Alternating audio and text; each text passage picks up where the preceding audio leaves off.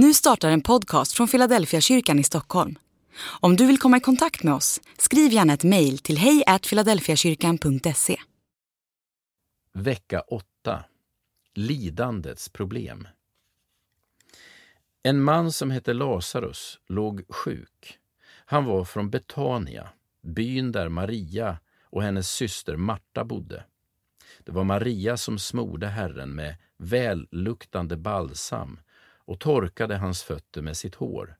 Och Lazarus som låg sjuk var hennes bror. Systrarna skickade bud till Jesus och lät säga Herre, din vän är sjuk. När Jesus hörde det sa han Den sjukdomen leder inte till döden utan ska visa Guds härlighet så att Guds son blir förhärligad genom den. Jesus var mycket fäst vid Marta och hennes syster och Lazarus. När han nu hörde att Lazarus var sjuk stannade han först kvar två dagar där han befann sig. Men sen sa han till lärjungarna, låt oss gå tillbaka till Judeen. Lärjungarna sa till honom, Rabbi, nyss försökte judarna stena dig och nu går du tillbaka dit. Jesus svarade, har dagen inte tolv timmar? Den som vandrar om dagen snavar inte eftersom han ser denna världens ljus. Men den som vandrar om natten, han snavar eftersom ljuset inte finns i honom. Efter att ha sagt detta fortsatte han. Vår vän Lazarus sover, men jag går dit för att väcka honom. Då sa lärjungarna, Herre, sover han så blir han frisk. Jesus hade talat om hans död, men de trodde att han menade vanlig sömn. Då sa Jesus rent ut till dem, Lazarus är död. Och för er skull, för att ni ska tro, är jag glad att jag inte var där. Men låt oss nu gå till honom. Thomas, som kallades Tvillingen, sa till de andra lärjungarna, låt oss gå med för att dö med honom. När Jesus kom dit fann han att Lazarus redan hade legat fyra dagar i graven. Betania låg inte långt från Jerusalem, ungefär en halvtimmes väg, och många judar hade kommit ut till Marta och Maria för att trösta dem i sorgen över brodern. När Marta hörde att Jesus var på väg gick hon ut och mötte honom. Men Maria satt kvar hemma. Marta sa till Jesus, Herre, om du hade varit här hade min bror inte dött. Men jag vet ändå att Gud ska ge dig vad du än ber honom om. Jesus sa, din bror kommer att uppstå. Marta svarade, jag vet att han ska uppstå vid uppståndelsen på den sista dagen. Då sa Jesus till henne, jag är uppståndelsen och livet. Den som tror på mig ska leva om han än dör, och den som lever och tror på mig ska aldrig någonsin dö. Tror du detta? Hon svarade, Ja, Herre, jag tror att du är Messias, Guds son, han som skulle komma hit till världen.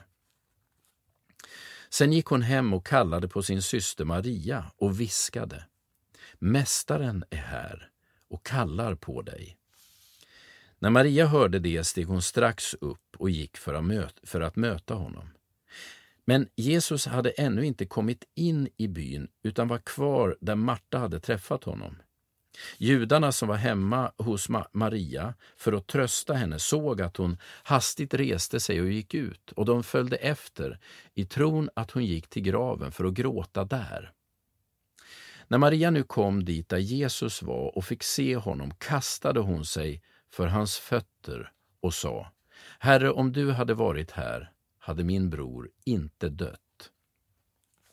När Jesus såg hur hon grät och hur judarna som hade följt med henne också grät blev han upprörd och skakad i sitt innersta och han frågade Var har ni lagt honom?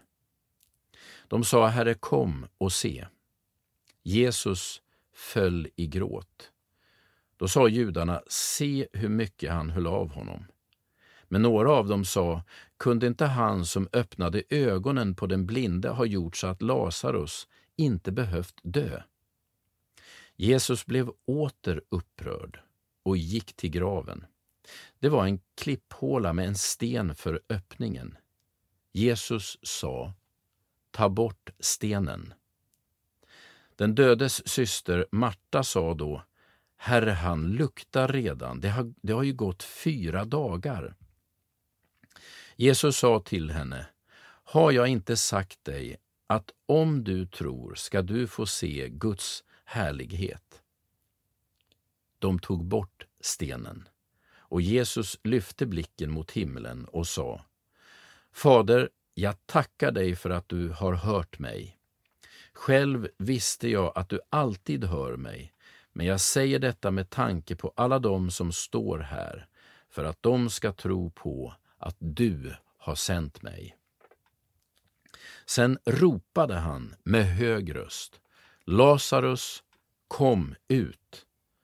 Och den döde kom ut med armar och ben inlindade i bindlar och med ansiktet täckt av en duk. Jesus sa åt dem, gör honom fri och låt honom gå.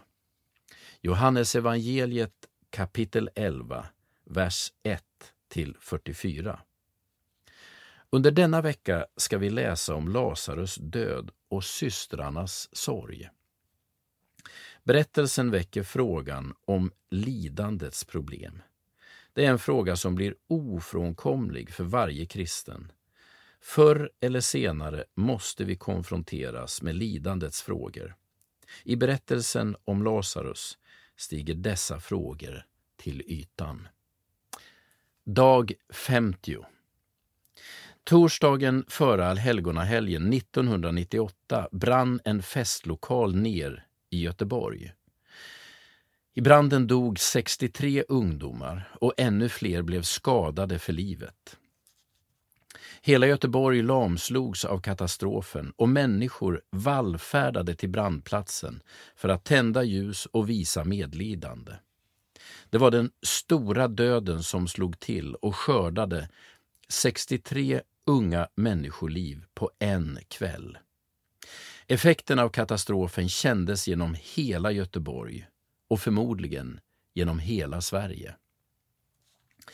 Jag jobbade som pastor i Fiskebäck, en stadsdel i Göteborg och hade egentligen ledig helg när branden inträffade. Till att börja med kände jag mig som en medlidande åskådare till katastrofen. Ingen undgick nyhetsflödet kring olyckan. På lördagen ringde en kollega som arbetade som polispastor frågade om jag kunde komma in till polisstationen och vara med som anhörigstöd. Så kom det sig att jag lördag, lördagen i allhelgonahelgen 1998 kom att tillbringa hela dagen med oroliga och chockade anhöriga. Innan vi gick hem på kvällen ställde man frågan vilka av oss pastorer som kunde komma på söndagen. Eftersom jag var ledig var jag en av de få som sa att jag kunde komma. På söndagsmorgonen kom jag till polisstationen vid nio-tiden och i dörren mötte jag två poliser som bad mig följa med till patologen vid Salgrenska sjukhuset. Jag åkte med utan att veta vad vi skulle göra. När vi kom fram förstod jag att jag hade blivit en del av det team som skulle kontrollera och säkerställa identiteten på alla de döda barnen. Poliserna som hade tagit med mig trodde att jag som pastor var förberedd på situationen och skulle kunna hantera krisen och vara ett stöd för dem. Jag saknade både erfarenhet och träning för en liknande situation. Under dagen gick vi igenom alla de döda kropparna för att besluta vilkas identitet som skulle kontrolleras av rättstandläkaren. I något fall blev det frågan om DNA-test eftersom det varken fanns ansikte, käke eller tänder kvar. Jag minns hur chocken långsamt fick grepp om mig varefter timmarna i kylrummet kröp fram. Framåt kvällen lyckades jag ringa in en kollega som avlöste mig. När jag äntligen kom hem saknade jag ord för det jag upplevt. Under de kommande månaderna tillbringade jag varje natt i kylrummet på Salgrenska tillsammans med de döda barnen. När jag satt i kylrummet på Salgrenska, omgiven av kropparna av barn, minns jag att jag undrade vad jag skulle ta mig till. Vad betyder tron på Jesus när katastrofen rammar ens liv med full kraft? En sak lärde jag mig den där dagen. Jag har inte svaret på lidandets frågor. Tillvaron är full av lidande som drabbar skoningslöst, utan urskiljning.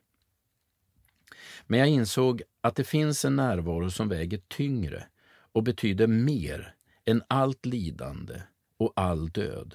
Och det är Jesu närvaro. Det jag behövde den där dagen var inte ett intellektuellt svar på lidandets varför, utan en närvaro som vägde tyngre och räckte längre än döden och branden. Det är den närvaron som finns hos Jesus. Han bär inte svaret på alla lidandets frågor, men hans närvaro betyder mer än lidande och död. Jesu närvaro är det kristna svaret på lidandets frågor. Det, det är egentligen inget svar, snarare ett inlägg i kampen. Andlig övning. Be om Jesu närvaro i ditt liv.